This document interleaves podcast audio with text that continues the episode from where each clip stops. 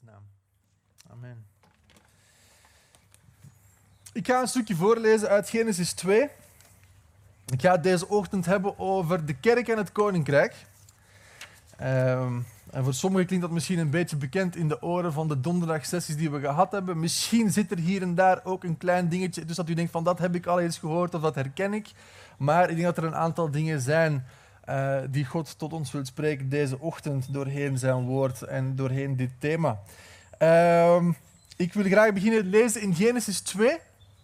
Als u graag wilt meevolgen, uh, we gaan beginnen lezen vanaf Genesis 2, vers 15. Genesis 2 vanaf vers 15. De Heere God nam de mens, Adam, je wel, die nog geen naam echt heeft gekregen, want hij is nu gewoon de mens. Van alle, uh, sorry, in, zet hem in de hof van Eden om die te bewerken en te onderhouden. Een beetje zoals dit hier, zo, een mooie tuin. Hè? Hof van Eden. Uh, en de Heere, gebood, de Heere God gebood de mens van alle bomen van de hof mag u vrij eten. Maar van de boom van de kennis van goed en kwaad, daarvan mag u niet eten, want op de dag dat u daarvan eet, zult u zeker sterven. Ook zei de Heer, het is niet goed dat de mens alleen is. Ik zal een hulp voor hem maken als iemand tegenover hem. Een hulp voor hem maken die bij hem past, staat er in andere vertalingen. Dit is een beetje letterlijk uh, de, vertaald. De herziende staat trouwens, deze. Um, de Heere God vormde uit de aardbodem alle dieren van het veld en alle vogels in de lucht en bracht die bij Adam om te zien hoe hij ze zou noemen. En zoals Adam elk levend wezen noemen zou, zo zou zijn naam zijn. En zo gaf, God, zo gaf Adam sorry, namen aan al het vee en aan de vogels in de lucht en alle, aan alle dieren van het veld. Maar voor de mens vond hij geen hulp als iemand tegenover hem vreemde vaststelling daar. Adam ziet alle dieren twee aan twee, mannetjes, vrouwtjes. Hij van, waar is mijn tegenhanger? Um, en toen liet de Heere God een diepe slaap op Adam vallen, zodat, zodat hij in slaap viel. En hij nam een van zijn ribben en sloot de plaats ervan toe met vlees. En de Heere God bouwde de rib die hij uit Adam genomen had tot een vrouw en hij bracht haar bij Adam. En toen zei Adam, deze is ditmaal been van mijn beenderen en vlees van mijn vlees. Deze zal manin, staat er dan in de letterlijke, de vrouw, hè, deze zal vrouw genoemd worden, want uit de man is zij genomen. Daarom zal een man zijn vader en zijn moeder verlaten en zich aan zijn vrouw hechten en zij zullen tot één vlees zijn. En zij waren beiden naakt, Adam en zijn vrouw, maar zij schaamden zich niet. Tot daar.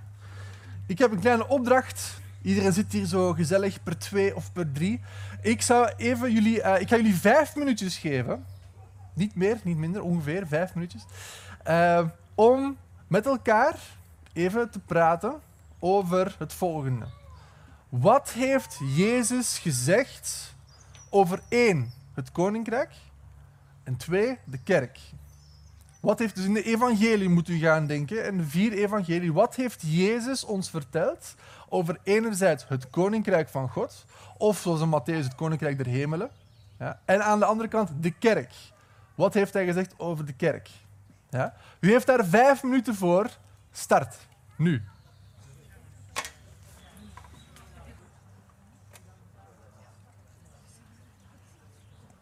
Oké, dat was een, uh, een goede vier minuten. Uh, ik heb sommige mensen heel ijverig zien Bijbel lezen en zoeken. Andere mensen heb ik diepe gedachten zien denken.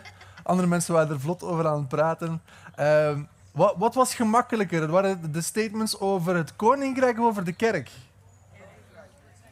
Ik hoor koninkrijk. De kerk. Anderen vonden de kerk gemakkelijker. Oké. Uh, gewoon, kwestie van even de statistieken erbij te... Wow. Daar ging de pupieter bij. Uh, de kwestie van de statistieken erbij te halen. Jezus heeft, uh, afhankelijk van hoe je rekent, tussen de 95 en de 130 keer het gehad over het koninkrijk van God. Pakt een 100, honderdtal keer. 39 keer alleen al in Matthäus. um, hij heeft het twee keer gehad over de kerk. Twee keer. Matthäus 16 en Matthäus 18. Dat zijn de statistieken. 100 versus 2. Dat is 50 keer zoveel over het koninkrijk als over de kerk. Ja. Dat is een vreemde vaststelling, omdat wij in onze context hebben het vaak over de kerk. We gaan naar de kerk en we zijn samen de kerk en we hebben een kerkdienst en we geven financiën aan de kerk, we investeren tijd in de kerk. We, we zijn heel vaak uh, bezig en, en, in onze gedachtegang zijn we bezig met de kerk. En dat is ook ergens normaal als je erover nadenkt, want uiteraard de schrijvers van de brieven in het Nieuwe Testament, die hebben het uiteraard veel meer over de kerk. Maar als we puur kijken naar de woorden van Jezus, honderd keer en meer over het koninkrijk, twee keer over de kerk. Nu, die twee keer die zijn enorm belangrijk, daar niet van. Het is niet altijd de frequentie, soms ook het gewicht dat behangt aan bepaalde uitspraken. Zoals hij bijvoorbeeld zegt van dat de kerk zou starten, en zou, zou, zou bouwen op deze rots en dat de poorten van de hel haar niet zouden kunnen tegenhouden. Dat is een enorm statement. Dus er is niet alleen de frequentie waarover hij met, uh, over dingen babbelt, maar ook het gewicht dat hij hangt aan bepaalde zaken. Maar als u daarover begint na te denken, dan is het gewicht dat hij hangt aan zijn uitspraken over het koninkrijk van God minstens even imposant of minstens even zwaar. Het koninkrijk van God is in u, rondom u, hij zegt, ik, ik drijf demonen uit door de vinger van God, dan is het koninkrijk gekomen. De woorden die hij spreekt in de parabelen, het koninkrijk van God is als een man die een schat in een veld vond. Het koninkrijk van God is als een kostbare parel. Het koninkrijk van God is als, is als. Hij verbindt, hij zegt, zoekt eerst het koninkrijk van God en al de rest zal u, en zijn gerechtigheid en al de rest zal u bovendien gegeven worden. Hij leert ons bidden over het koninkrijk. Van uw koninkrijk komen, uw wil geschieden op aarde zoals in de hemel. En hij verbindt er zijn wederkomst aan terug. Want hij zegt er gaan allemaal rare dingen gebeuren. En pandemieën en aardbevingen en weet ik veel wat. Maar het einde is nog niet. En er zullen valse leraren en profeten zijn. Maar het einde is nog niet. En dan zal er dit. En de liefde van velen zal koud worden. Maar het einde is nog niet. Dan zal het evangelie van het koninkrijk over de hele aarde gaan. En dan zal het einde komen. Dus ik denk dat, dat we dat dringend moeten beginnen herontdekken. Het gewicht dat Jezus toeschrijft of toebedeelt aan dat idee, het koninkrijk van God, waarvoor hij komt en waarvoor hij zeg maar, naar de aarde is gekomen. Dat was zijn missie, dat was zijn, zijn, um, zijn, zijn, ja, zijn, zijn de, de hele reden van zijn komst. En dat is mij nooit meer duidelijk geweest dan de afgelopen maanden te kijken naar wat er allemaal in de wereld aan het gebeuren is. En ik wil jullie een kleine anekdote daarover vertellen, want ik was een paar maanden geleden, ik had een gesprek met mijn, mijn overbuurvrouw. Onze kinderen zijn van quasi exact de, dezelfde leeftijd. Die van mij zijn 6, 4 en 2. Die van haar zijn ook 6, 4 en 2. Uh, dus ja, dat, dat maakt dan een snelle connectie. En uh, onze kinderen waren daar even gaan spelen. We gingen ze gaan terughalen. Ik had ze al terug naar bij ons naar binnen gedaan. En we waren even aan de babbel. En zij begon te vertellen over hoe ze zich zorgen maakt. Zij is iemand die uh, heel bekommerd is om de natuur. Zij, zij, stemt op Groen. Dat is een politieke partij. Ja, dat moet ik u waarschijnlijk geen tekeningsje bij maken. Die heet Groen. Uh, zij is zelf ook actief lid daarvan. Zij uh, zijn heel bewust bezig met hun ecologische voetafdruk. Zij rijden zo weinig mogelijk met de auto, doen alles met de fiets. Ik kan u nog een heel aantal voorbeelden opsommen. Hoe dat, zij werkt bij de waterwegen, dus zij is altijd ook bezig met het besparen en het, van water en enzovoort. enzovoort. Dus uh, je zou kunnen zeggen dat het ecologische bomenknuffelaars zijn van mensen. Zeg maar. Schatten van mensen, we komen heel goed overeen. Uh, ze hebben een totaal ander wereldbeeld als mij. Maar in ieder geval, ze was dus bezig met haar zorgen te uiten. Maar ook wat er allemaal nu met COVID aan het gebeuren is. En hoe dat België zo in angst zit op dit moment. En bij uitbreiding de rest van de wereld. Uh, ik ben trouwens heel blij om iedereen hier zonder mondkapjes te zien. Want in België is alles nog met mondkapjes. Ook buiten. Uh, ja, ja, het is... Uh, ik ga, ik, ga er verder, ik ga er niet over uitweiden. Dat is, dat is een gevaarlijk topic, ook voor de mensen die meekijken op de livestream. Ik kan er niks meer over zeggen. Uh, we gaan door. Dus ik was maar aan het babbelen over al die dingen. En, en zij weet dat wij christenen zijn enzovoort. Uh, en het gesprek werd al een beetje afgerond, want ja, het leven gebeurt en ik moest naar binnen, want de kinderen waren daar alleen enzovoort. En ik kom terug thuis, ik zit even en uh, ik denk bij mezelf van... Ah, kent u dat moment dat u een gesprek had met iemand dat u daarna denkt... Ah, ik had dat moeten zeggen. Komt dat bekend voor of ben ik de enige? Nee, iedereen heeft dat. Oké, fijn. En ik kom op een moment tegen en ik was bij mezelf aan het denken... Ah, waarom heb ik dat niet gezegd? En hetgene wat ik dus had moeten zeggen was het volgende van... wow, ik, had eigenlijk gewoon tegen haar moeten zeggen van ja, dat is, hè, als het dan over de, de klimaatcrisis gaat. U, misschien hebben jullie dat ook hier gehad, maar in België hebben we meerdere betogingen gehad voor het klimaat in Brussel enzovoort. Als ook waar zij trouwens mee naartoe ging, had zij zo'n groot pamflet gemaakt. Samen met haar man en de kinderen gingen ze naar Brussel om mee te gaan protesteren met een groot pamflet met daarop uh, prinses Elsa van Frozen, met op de achterkant haar ijskasteel dat aan het smelten is door de globale opwarming. Heel creatief, heel origineel. Um, en zo ging, gaan zij dan mee betogen. Ik was daarover bezig van ja, maar ik heb dat ook met haar al besproken. Van wij als christenen, wij ervaren ook dat wij een mandaat hebben om voor de schepping te zorgen. Dat is voor ons iets dat heel normaal is en dat, dat, niet bij de haren getrokken is. Van, we gaan niet vervuilen en al die dingen, dat is eigenlijk heel normaal. En ik, ik was aan het denken van, ah, we, zitten, we zitten met zoveel crisissen op dit moment op, op wereldschaal. We zitten met uit, uiteraard een globale pandemie, een, een ziektecrisis, zeg maar, een covid-crisis. We zitten met een klimaatcrisis. Ongeacht of u het ermee eens bent, ik ga het even in het midden laten, want ik weet dat er mensen zijn van die het er niet mee eens zijn. Enzovoort.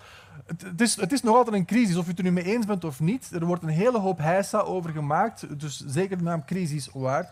We zitten met een, een soort van rassencrisis, Black Lives Matter. We zitten met een, zeker in Amerika, dat speelt dat enorm, maar dat is ook overgewaaid hier naar Europa. En dus de, de, de strijd om gelijkheid tussen verschillende etnische minderheden enzovoort. We zitten met een gendercrisis. Bij ons nog altijd heel vers de MeToo. Er zijn een aantal Belgische acteurs die recent nog aan het licht zijn gekomen dat zij een aantal grenzen overtreden hebben naar vrouwelijke medespeelsters toe. Dat is nog altijd een hot topic. Uh, we zitten met een mentale gezondheidscrisis. Ik weet niet of u dat weet. In België de cijfers zijn door het dak aan het gaan in termen van burn-out, in termen van depressies, in termen van zelfmoorden. Het is, het is werkelijk nog nooit zo erg geweest. Uh, vooral onder vrouwen. België staat nummer vier op de wereldranglijst van meeste vrouwelijke zelfmoorden. En ook onder tieners. Wij scoren belachelijk hoog. Uh, zeer, zeer hoog. Ik, weet niet hoe het, ik ken de cijfers voor Nederland niet. Maar we zijn uh, in België staan er nu op dit moment 24, bijna 25.000 kinderen en tieners op de wachtlijst voor psychiatrische hulp. Dat, dat, dat is, een, dat is een, een, een rij met bussen, zeg maar, waarvan u het einde eigenlijk niet kan zien. Dat, is, dat gaat enorm ver. Dus het is, uh, we zitten met een politieke crisis. We hebben nog maar net Brexit achter de rug. In Amerika is de politieke crisis nog nooit zo erg geweest als die nu is.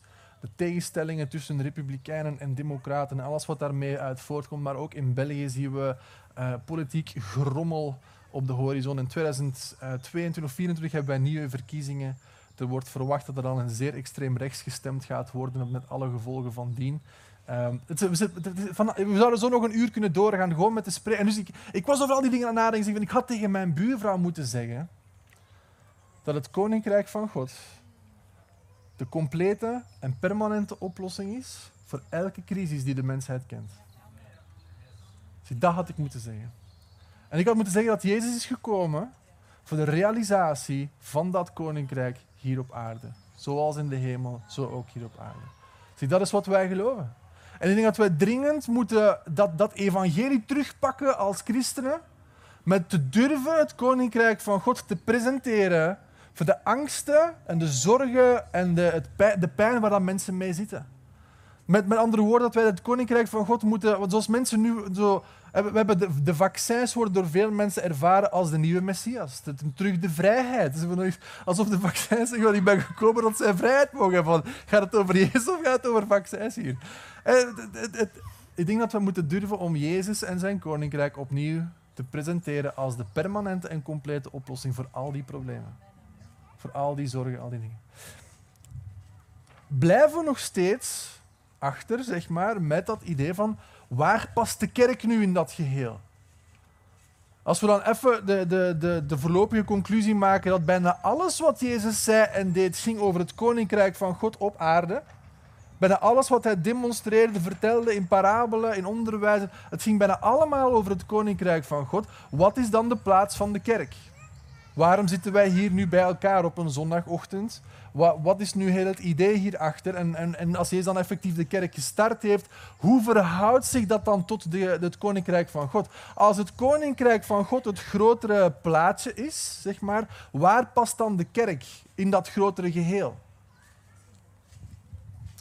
De schrijvers van het Nieuwe Testament die leveren een aantal ideeën aan in de vorm van beelden of woorden. Het eerste, um, of in eentje dat door Jezus zelf wordt aangeleverd, is eigenlijk de ecclesia. Dat is eigenlijk dat woord dat in Matthäus 16 en 18 gebruikt wordt. Jezus zegt, op deze rots bouw ik mijn ecclesia. En ecclesia is een Grieks woord, ex en ecclesia, eruit geroepen uw ex, dat een ex, een ex-vriend of een ex, weet ik veel, een ex-man of zo, dat is, dat is natuurlijk, hè, dat, dat spreekt voor zich, dat is iets dat eruit is. En Klesia, groepen, de, uitgeroepenen. Dat is letterlijk wat het woord betekent. Dus Jezus zegt, en op deze rots ga ik mijn uitgeroepenen vestigen. Nu, er is uiteraard een voor de hand liggende... Ah, de trein komt maar. Um, een voor de hand liggende verklaring van dat woord, want je kunt zo argumenteren, dat klopt ook 100% volgens mij, wij zijn als christenen uitgeroepen uit de wereld. Dat is hoe de meeste mensen het woord interpreteren, of de meeste uh, uh, bijbelgeleerden het woord interpreteren. En volgens mij is dat 100% juist, maar ik, was, ik heb erover zitten opzoeken en over zitten bezig zijn.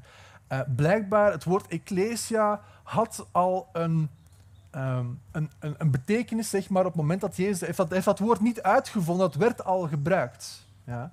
En dat woord werd gebruikt in bijvoorbeeld stadstaten als Athene en Sparta en Korinthe en verschillende andere Griekse zeg maar, eh, kleine stadstaten voor hun gemeenteraad aan te duiden. Dat waren uiteraard alleen de mannen die dan uit de stad geroepen werden om daar bij elkaar te komen en de zaken van de stad te gaan behartigen. Ja. Wat een interessant idee. We, we, hebben de kerk nooit echt op die manier bekeken. Maar wat als we zouden nadenken... Op, stel, dat we op zondag zeggen... Jongens, we gaan naar de gemeenteraad. De gemeenteraad van Gods Koninkrijk.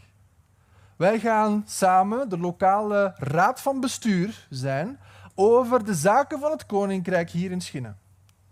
Wij zijn de lokale raad van bestuur van een grotere corporatieve, zeg maar, het koninkrijk van God hier op aarde. Wij zijn hier om de zaken van Gods koninkrijk te behartigen hier in Schinnen.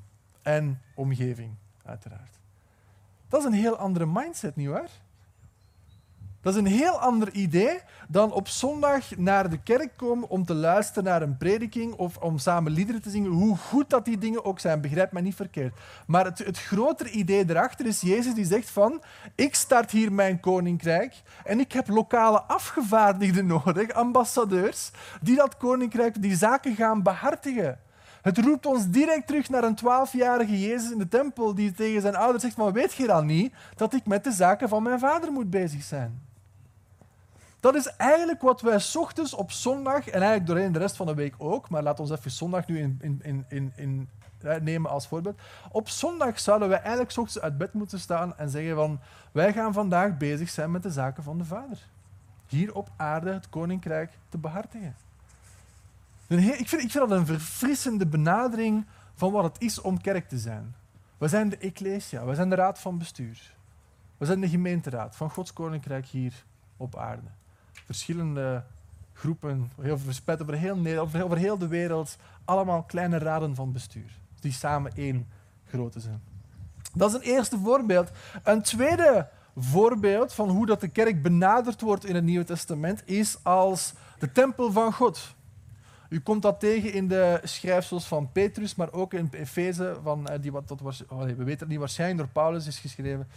Um, ja, sorry, door Paulus is van Hebreeën, dus de Efeze is door Paulus geschreven. We komen dat dus tegen op verschillende momenten dat, dat de kerk de tempel van God genoemd wordt. En dan wordt er meestal taal gebruikt dat Jezus de hoeksteen is, dat het fundament gelegd is door apostelen en profeten en dat wij allemaal als levende stenen ingepast worden in dat huis dat, dat toont ook weer een, een, bepaalde benadering van het feit dat God zijn huis bouwt, zijn familie bouwt, dat hij zijn aanwezigheid op aarde vestigt in de vorm van een tempel, in de vorm van een koninkrijk. En dat u en ik allemaal daar deel van behoren te zijn als actieve schakels. Niet als dode stenen, maar als levende stenen. Ja, dat staat er heel specifiek bij vermeld. We zouden daar nog een aantal dingen over kunnen zeggen, maar we hebben niet alle tijd deze ochtend om alles in de diepte te gaan uitpluizen. En ik, ik, heb, ik wil eigenlijk de nadruk leggen op de nummer vier zo meteen, maar dan moeten we eerst naar de nummer drie. De nummer drie is dat de kerk wordt vaak het lichaam van Christus genoemd. Met Christus als hoofd en wij als zijn lichaam. En u kent dat vers wel, dat de hand niet kan zeggen tegen de oog, ik heb u niet nodig, of de voet niet tegen de knie kan zeggen, ik heb u niet nodig. We hebben elkaar allemaal nodig. En het, het is ook het logische gevolg dat wa waarvoor Jezus gekomen is naar de aarde, dat zijn lichaam die missie zou voortzetten. Dat is, dat is een logisch gevolgtrekking van het feit dat wij zijn lichaam zetten. Dus dat wij de zaken van Jezus op aarde behartigen als zijn handen en zijn voeten. Dat ook. Dat, dat, tot daaraan toe is alles redelijk voor de hand liggend. En ik vind die, die, ehm, die beeldspraak van een lichaam vind ik bijzonder mooi. als je ziet hoe dat Paulus dat helemaal gaat beginnen uitwerken in Efeze 3 en 4, uh, dan is dat, dat is een hele mooie beeldspraak om te zien hoe wij ons verhouden ten opzichte van Christus, die in het hoofd is en in wie alles samenkomt en van wie alles uitgaat enzovoort. Dat is een, dat is een heel mooi beeld. Dan is er nog een laatste, en die is vaak het meest abstract of het meest um, moeilijker te vatten, is dat. Dat is dat, dat wij de bruid van Christus genoemd worden. Ik zal u eerlijk toegeven dat ik dat zelf een rare of een iets wat vreemde uh, benadering vond. Want hè, ik ben uiteraard een man en om dan de bruid van samen. Dat, dat werd voor mij een beetje opgelost in het idee van we hebben het vaak over een geest van zoonschap in het Nieuwe Testament. En ik kan me inbeelden dat vrouwen zich dan uitgesloten voelen, want waarom staat er niet een geest van dochterschap, juist? Ik bedoel, waarom wordt er alleen in de mannelijke vorm gesproken? Wel, in, in de corporatieve vorm wordt er alleen over de vrouw, over de bruid gesproken. Dus u mag, ik mag het een beetje opdelen als volgt. Volgens mij zijn we daar veilig. Dat als u kijkt naar uw individuele identiteit in God, dan bent u een zoon van God. U bent een zoon van God, betaald en, en gekocht door zijn bloed. Als wij kijken naar onze gezamenlijke identiteit als een, als een groep gelovigen, zijn wij samen de bruid van Christus. Niet de bruidegom, hij is de bruidegom. Ja. Dus als u, we gaan daar geen gendercrisis van maken, zullen we het zo zeggen. U mag dat gewoon zo opsplitsen. Dat, is ook, dat helpt ook. Als u kijkt naar als individu, u bent een kind, u bent een zoon en een dochter van God. Als we kijken naar onze gezamenlijke, dan zijn we de bruid van Christus. Nu, dat, dat is nog maar stap 1. Voor mij was dat nog altijd vaag en abstract. En ik wil daar met jullie een beetje over praten uh, deze ochtend, omdat ik denk dat er ik, denk, ik ben eigenlijk tot de conclusie gekomen dat, dat er zoveel meer, er, dat, dat, het, dat het zoveel dieper gaat dan zo'n oppervlakkige dingen van, eh, om, als een beeldspraak, zeg maar. Nee, er zit veel meer achter. Um, de, de, de, een, van, van de redenen, of zeg maar een van de verhalen die mij daar naartoe geduwd heeft, is niks minder dan Genesis 24. Je denkt, Genesis 24, dat is toch helemaal in het, vooraan in de Bijbel. Dat klopt. Genesis 24 is een soort van type, een voorafschaduwing, een, een, een, een, een, een archetype, zeg maar. Iets wat dat voorafgaat aan, aan de grotere realiteit. Genesis 24 is het verhaal van Abraham, die een ongenaamde knecht. We weten dat dat Eliezer is, maar in het hele hoofdstuk wordt zijn naam geen enkele keer genoemd. Volgens mij heeft dat een reden, daar kom ik weer op terug. Eliezer, die niet bij naam genoemd wordt, ongenaamde knecht, wordt uitgestuurd naar Haran om daar een bruid te gaan zoeken voor Isaac. Simpeler gesteld, en zo gaat u het misschien beter begrijpen, of, of misschien gaat het direct binnenkomen. De vader stuurt iemand uit om een bruid te halen voor de zoon. Kan u, is, is, als u dan gaat kijken wat er allemaal gebeurt in dat verhaal en waarom Rebecca uiteindelijk gekozen wordt, alles past, alles klikt. Alles is juist in met, met naar, als u kijkt naar het Nieuwe Testament, wat er, wat er daar allemaal gebeurt. Want die ongenaamde knecht, die, krijgt, die wordt daar niet bij naam genoemd.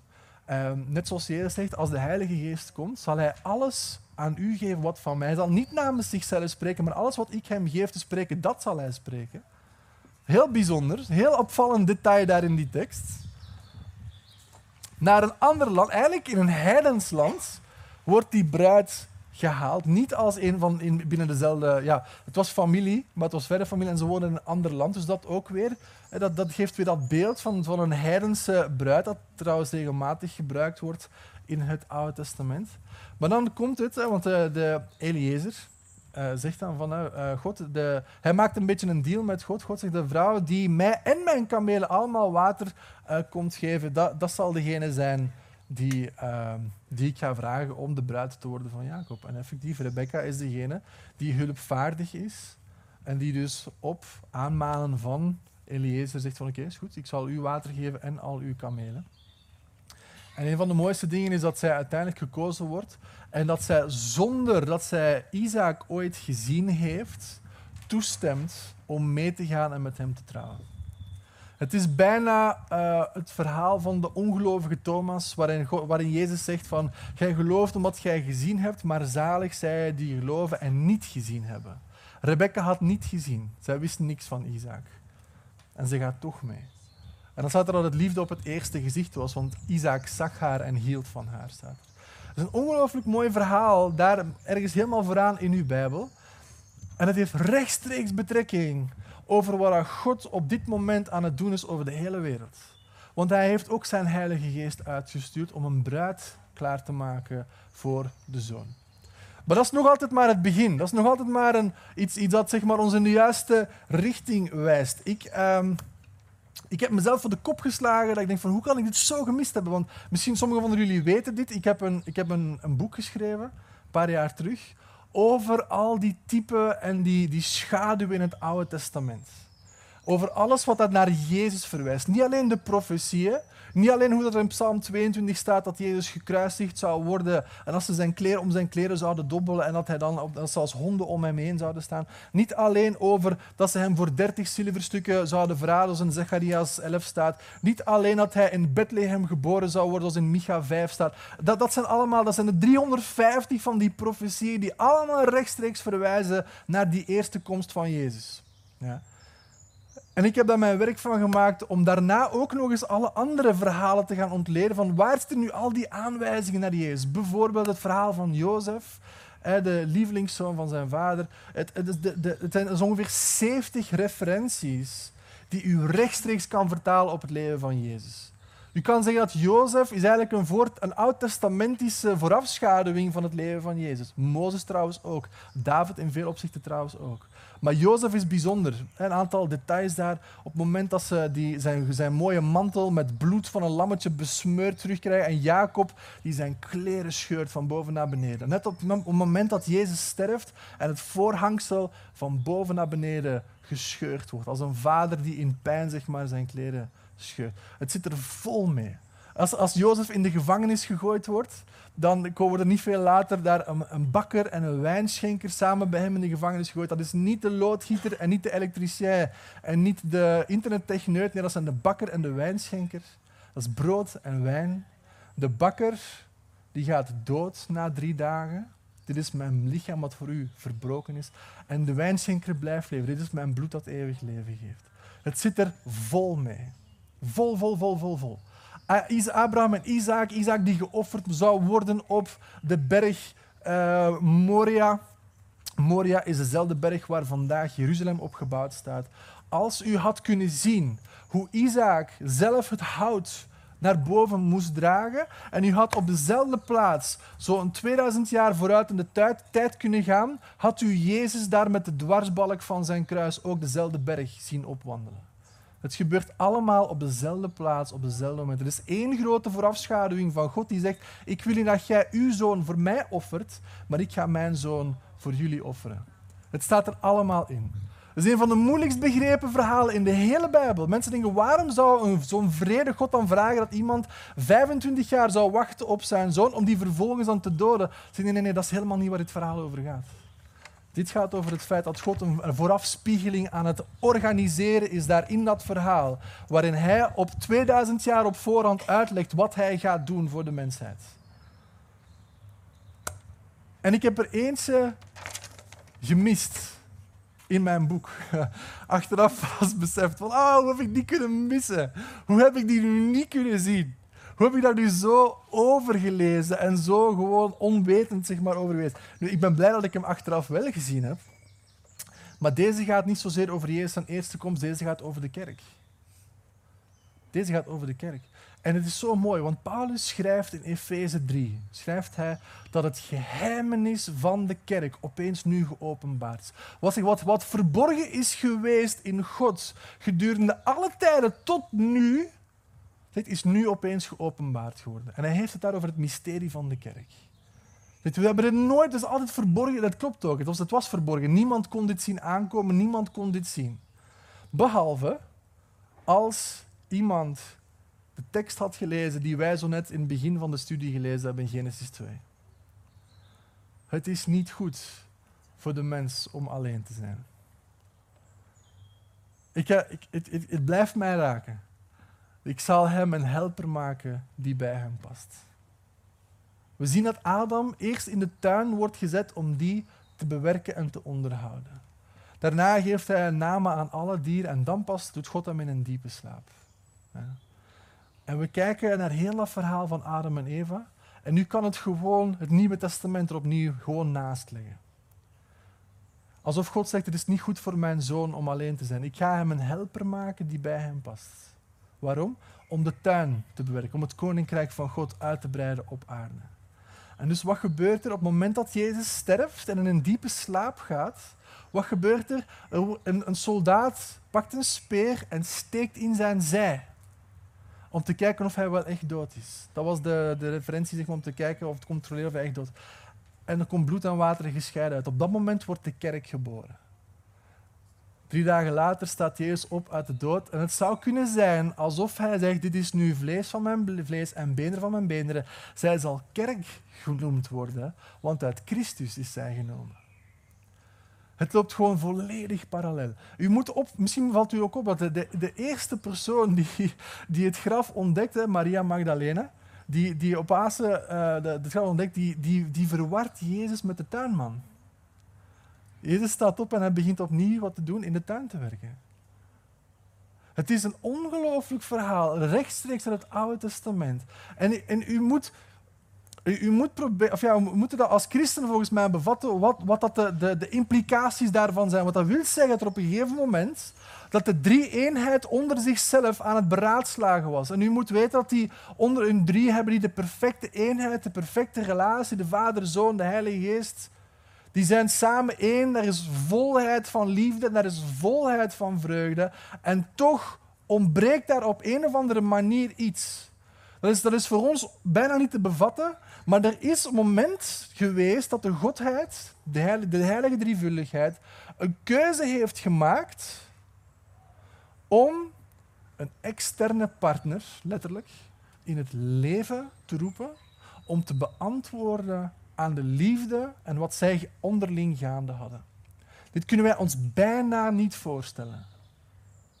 Dit kunnen wij ons, het, het, is net zo, misschien een ander voorbeeld, van God maakt Adam en hij creëert hem in een perfecte omgeving waarin alles tiptop in orde is. En dan kiest hij ervoor om een bepaald deel van Adam zijn hart niet zelf op te vullen. U moet dit even begrijpen. Hij kiest ervoor om een deel van Adam zijn hart niet zelf te vervullen. Dat is niet goed. Kan u, kan u zich inbeelden op het moment dat God, doorheen Genesis 1 heeft hij altijd gezegd, oh, hij zegt dat het goed was. En hij zegt dat het goed was. En hij zegt dat het goed was. En hij zegt dat, hij zegt dat het heel goed was. Zo eindigt Genesis 1. Ja?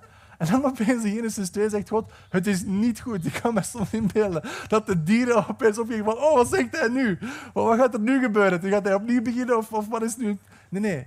God kiest ervoor om bepaalde leemte in het hart van Adam te laten opvullen door een externe partner, door een vrouw. En die twee zullen samen één zijn.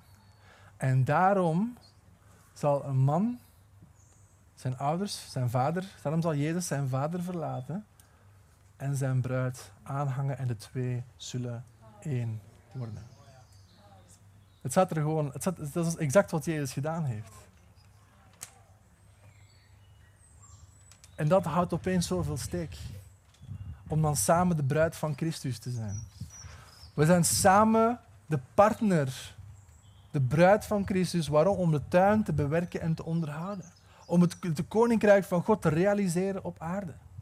We zijn niet zomaar een raad van bestuur, hoe, hoe, mooi dat die analogie ook is. We zijn niet zomaar zijn lichaam, hoe mooi dat die analogie ook is. En trouwens, waarvan Paulus zegt van het huwelijk, ik betrek het op, op, op Christus en de gemeente, zegt hij.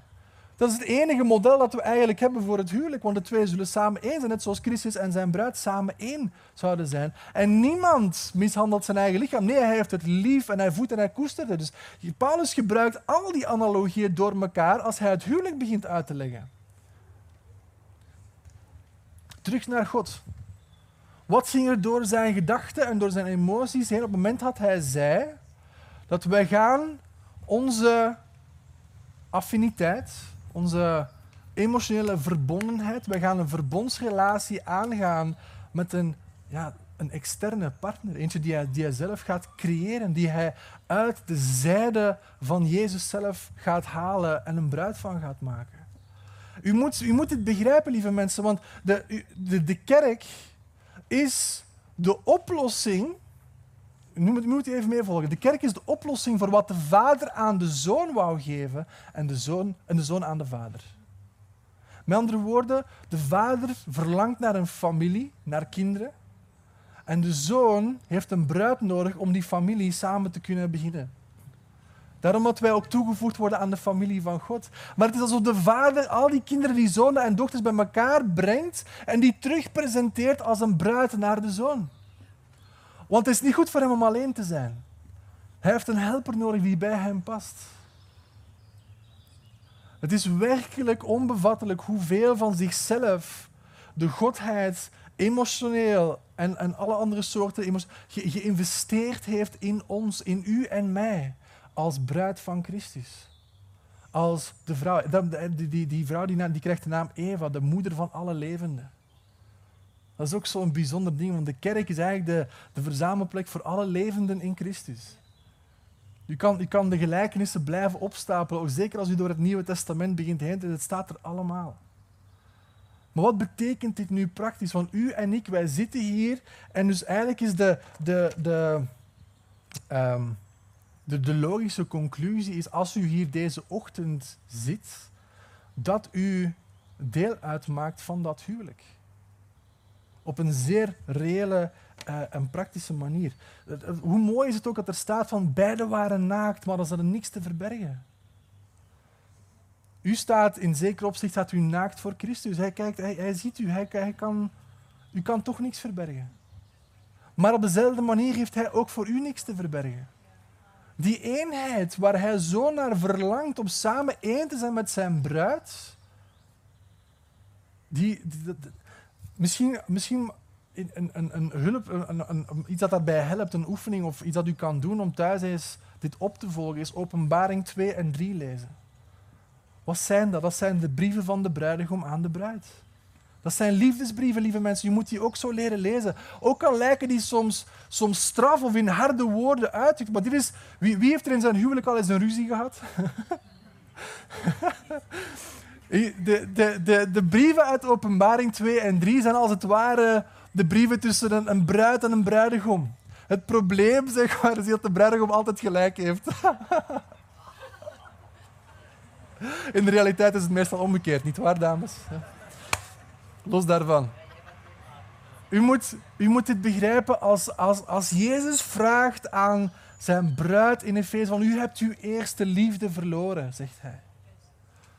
Voelt u dan het hartsverlangen van Jezus? Dat ik wil, ik wil die liefde, die intimiteit. Ik, wil, ik zal u kleren met witte gewaden. Ik zeg, kom tot mij, van, van, ik, zal, ik zal u, u, u um, uh, dingen geven, edelstenen en goud geven, dingen die niet door het vuur verteerd worden. Het is als een bruidegom die, die roept naar zijn bruid van stop met uw afgoderij, stop met uzelf te, te... In zekere zin kunt u de analogie van het Oude Testament erbij pakken, stop met uzelf te prostitueren aan andere minnaars. Ik vraag me soms ook af in onze tijd, van, ik hoop dat wij niet de generatie gaan zijn die de liefde van Jezus onbeantwoord hebben gelaten omdat we altijd op onze gsm bezig waren. Ik hoop dat wij niet de generatie gaan zijn die de liefde van de bruidegom onbeantwoord, omdat we ons kapot gewerkt hebben, omdat we geld en carrière achterna hebben gezeten, omdat we, noem het maar op. De bruidegom is daar hij is klaar om de wonden in ons hart te genezen, zodat wij Hem zouden toebehoren en Hem alleen. Zodat wij met Hem samen het Koninkrijk van God op aarde zouden realiseren. De vervolmaking van alle dingen. Het einde van alle dingen. Zoals het eraan komt.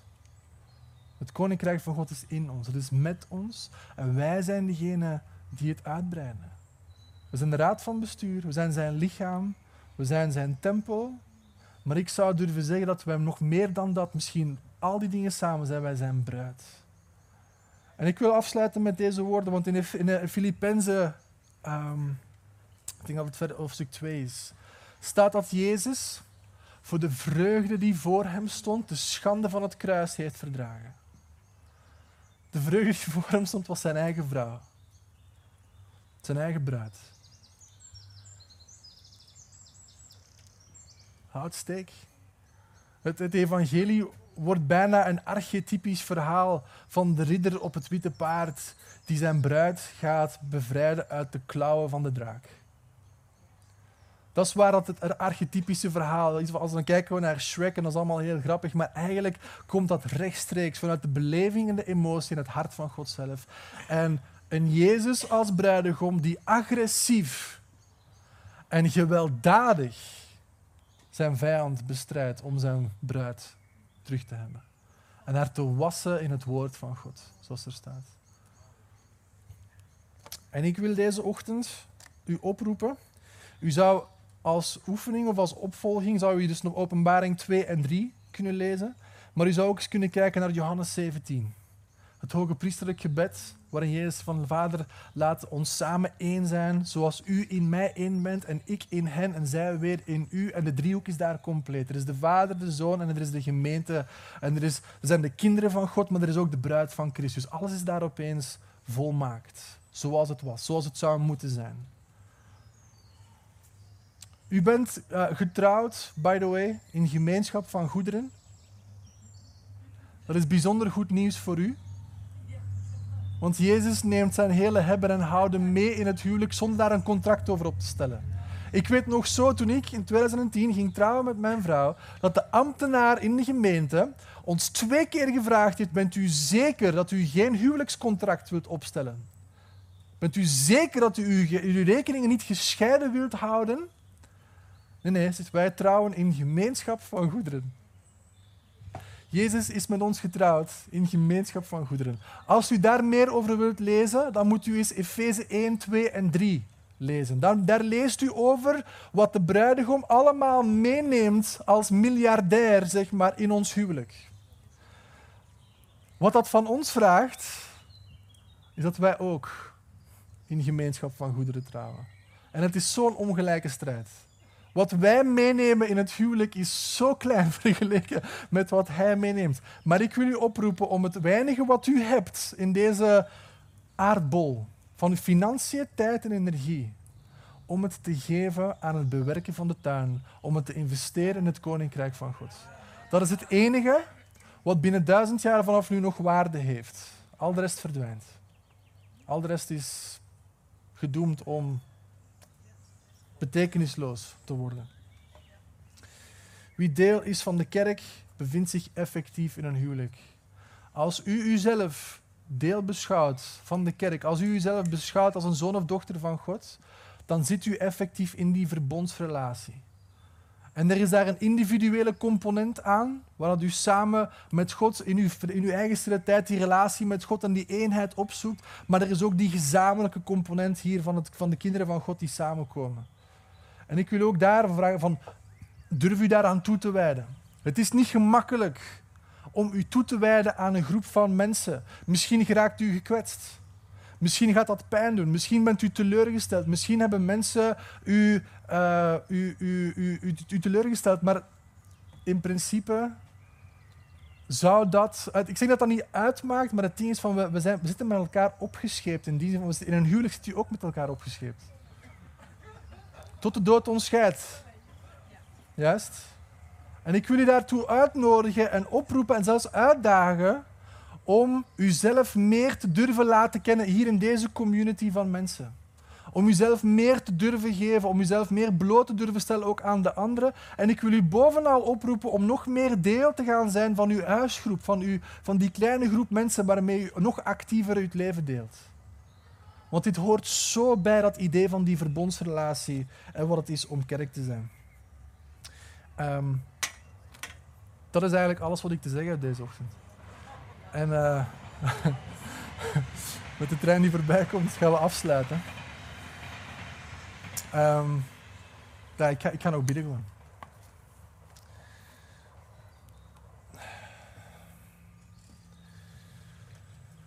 Vader, ik dank u voor deze ochtend. En ik bid, Vader, nogmaals dat u ons wilt meenemen in de emotie. ehm, en de, de, manier waarop u als hele wezen, als Godheid geïnvesteerd bent in ons als mens, in ons als bruid van Christus, in ons als uw kinderen. Vader, dat zijn, dat zijn theologische waarheden die ons hart en ons hoofd te boven gaan, Vader, en die toch op een of andere manier ja, vorm moeten krijgen in ons leven. Vader, ik bid dat u het zodanig ehm, echt wilt maken, dat u het ook op die manier ehm, wilt laten aanvoelen als die verbondsrelatie waar we in ingestapt zijn samen met u, maar ook samen met elkaar. Dat dit, dat dit zo een samen verhaal is. Vader, en, en de kwetsbaarheid die u getoond hebt, Vader, door een, een externe partner letterlijk in het leven te roepen, om daar al uw vreugde en liefde en vrede en, en met, met een rijkdom mee te overladen. Vader, laat ons zijn als Rebecca, Vader, die, die dienstbaar is, Vader, en die meegaat. Ook al hebben wij u nog niet face-to-face gezien, Vader, wij weten dat u goed bent. Vader, wij weten dat u de ware bent, Vader. Wij weten dat u alles, alles, alles, alles hebt gedaan om uw bruid terug te winnen. Vader, help ons met, met, met dat basisvertrouwen in het leven te staan. Vader, om daar dagelijks in te wandelen. Vader, maar help ons vooral om, trouw te zijn aan u, zoals we dat in een huwelijk ook moeten zijn. Help ons om trouw te zijn, Vader. Help ons om onze afgoden uit ons leven te bannen. Vader, help ons om onze visie en onze, onze, onze prioriteiten in het leven te stellen op u, op de relatie met u. En op uw missie, Vader, het realiseren van het Koninkrijk van God. Hier in Schinnen, hier in, in, in Nederlands Limburg. Vader, u hebt ons een... ehm, we hebben een gezamenlijke opdracht met u. We hebben een gezamenlijk avontuur samen met u. Vader, maak dat, maak dat iets dat echt leeft in ons hart, Vader. Iets dat echt aanwezig dat we ons ochtends en 's avonds en de hele dag door bij bepaalt, Vader, dat, dat, dat, we, dat we leven met dat hoger doel in zicht, Vader. Vader, leer ons wat het is om uw kerk te zijn. In Jezus' naam. Amen.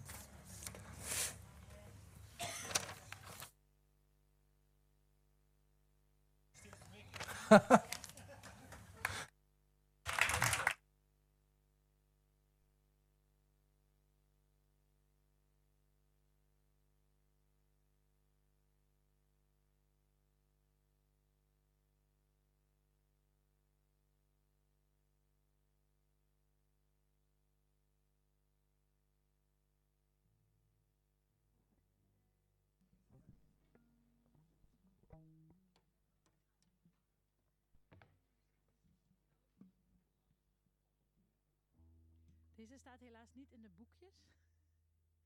En de boekjes die eh, mogen jullie naderhand eh, achter bij de vlag inleveren of bij